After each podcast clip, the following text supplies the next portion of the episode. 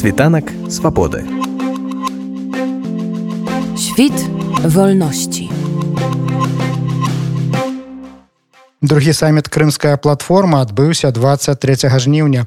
Гэты фармат, мэта якога абвяшалася вяртання Крыму ў склад Украіны палітыка-дыпламатычным шляхам быў запачаткаваны летась, але сёлетнія падзеі ўнеслі свае карэктывы ў планы і задачы, якія абмяркоўваюцца на платформе. Давайте паслухаем, што казалі ўдзельнікі саміту. Адкрываючы саміт прэзідэнт Украіны Владимир Зяленскі працытаваў ліст зняволенага расійцамі прадстаўніка карэннага народу Крыма Нарымана Джэляла. З Крыму ўсё пачалося Крымам і завершыцца. У сваёй прамове Зеленскі выказаў падтрымку тым жыхарам Крыму, якія вымушаны жыць пад расійскай акупацыяй і запэўніў, што законная украінская ўлада на паўвостраў у хуткім часе вернецца. Нещодавно ви знаєте, шановні, я отримав листа від одного з Кремли від Нарімана Джеляла. І він зараз, на жаль, за ґратами. Окупанти ув'язнили його абсолютно забрехливим звинуваченням. Ми це знаємо лише за те, що він бореться за свою батьківщину, за те, що він взяв участь у першому саміті Кримської платформи, який відбувся минулого року. Він приїхав минулого року в Київ з окупованого вже вже закупованого Криму, щоб розказати учасникам саміту, що реально відбувається на півострові. І до чого все це призведе, і через 9 днів після його повернення вже назад до Криму окупанти позбавили його свободу, свободи за те, що він просто був свободною людиною. Ось така була відповідь Росії. І у своєму листі е, пан Жилял написав: з Криму почалося, Кримом і завершиться. І це дійсно так. Я в це вірю стовідсотково, щоб подолати терор, щоб повернути прогнозованість і безпеку нашому регіону в Європі, в усьому світу, треба здобувати перемогу. Перемогу в боротьбі проти російської агресії. А отже, потрібно звільнити Крим від окупації. Там, де почалося, там і завершиться. Коли ми повернемо і виправимо все те, що наробили окупанти на нашому українському півострові, що прийшло у Крим і увесь Чорноморський регіон разом з російською агресією, разом з російською зброєю. Катастрофічні загрози, загрози екології, екології, небачена руйнація природи, природи Криму, руйнація соціального життя, економічний занепад, знищення пам'яток, мілітарізм.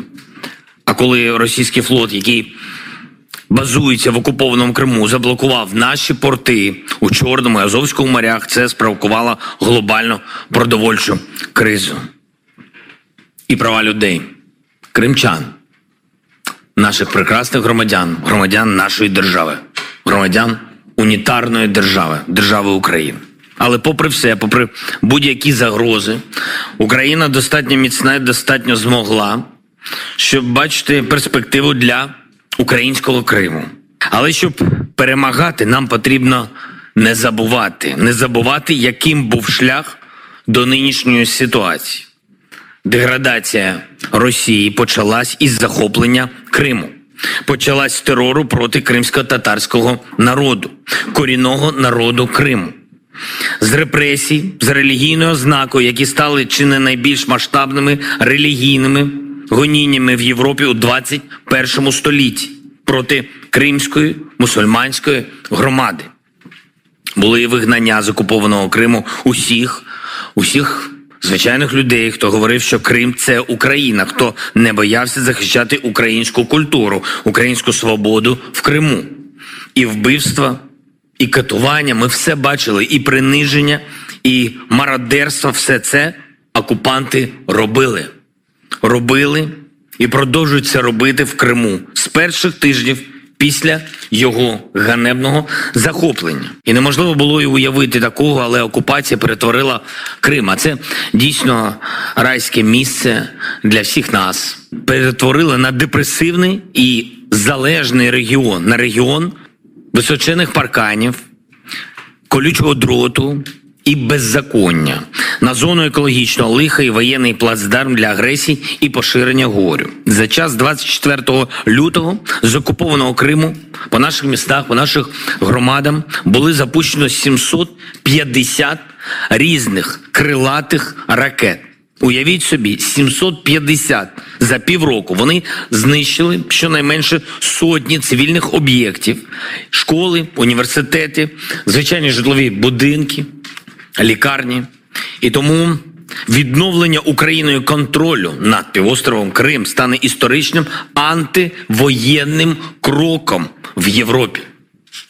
І це поверне безпеку і дасть справедливість. Це реінтегрує Крим в сучасний світ, і це дозволить кожному з нас, учасників, учасниць Кримської платформи, сказати своїм дітям, своїм близьким, рідним, що вони можуть пишатися нами саме як миротворцями.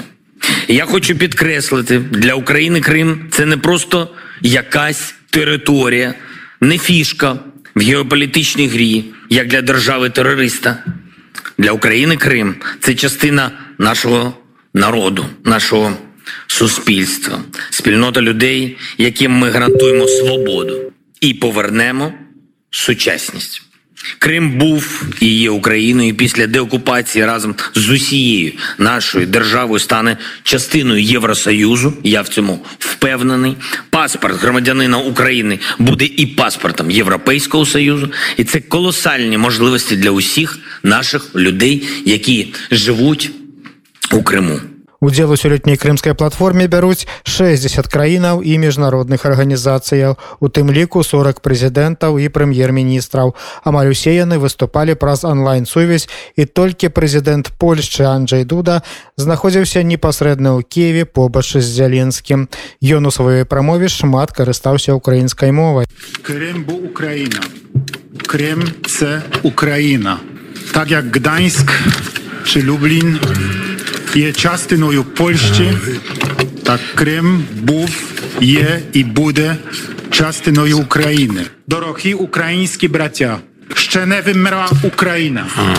Jeszcze Polska nie zginęła. Але асноўныя заявы прэзідэнт Дуда зрабіў па-польску. Panie i panowie prezydenci, premierzy, ministrowie, po Buczy, po bombach spadających na Kijów, Пасля таго як мы бачылі бучу пасля бомбаў што падалі на кіев і харкаў мы не можам вярнуцца да таго што было 23 лютага многія краіны давалі рассіі сігнал што яны згодныя з ёю супрацоўнічаць спрабавалі неяк задобрываць краіну агрэсара няма павароту да звычайнага бізнесу з рассіяй Анджей дуда сказаў што такі праект як паўночны поток мае быць зламаны ён заклікаў усіх партнёраў вызваліць усю украіну ключна з крымам у канцы сваёй прамовы прэзідэнт дуда нагадаў што пазнаёміўся з крымам праз творы адама міцкевіча а самому яму так і не давялося пабыць у крыме але ён выказаў упэўненасць што прэзідэнт зяленскі ў хуткім часе пакажа яму крым з старонта да ўдзелу ў саміце разам далучыліся прэм'еры канады джасцін трудо і нямметчаны олаф шольц трудо нагадаў пра санкцыйную палітыку канады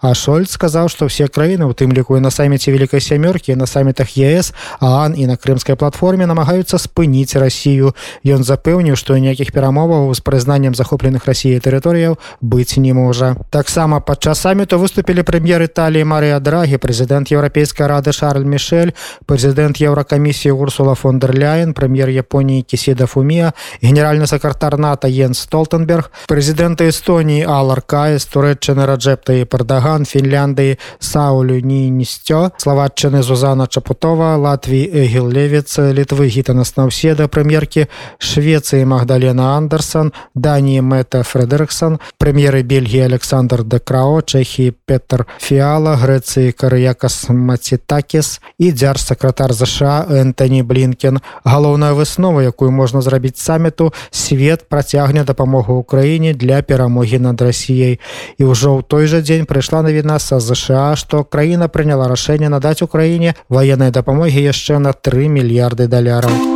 Світанак свабоды. Świt wolności.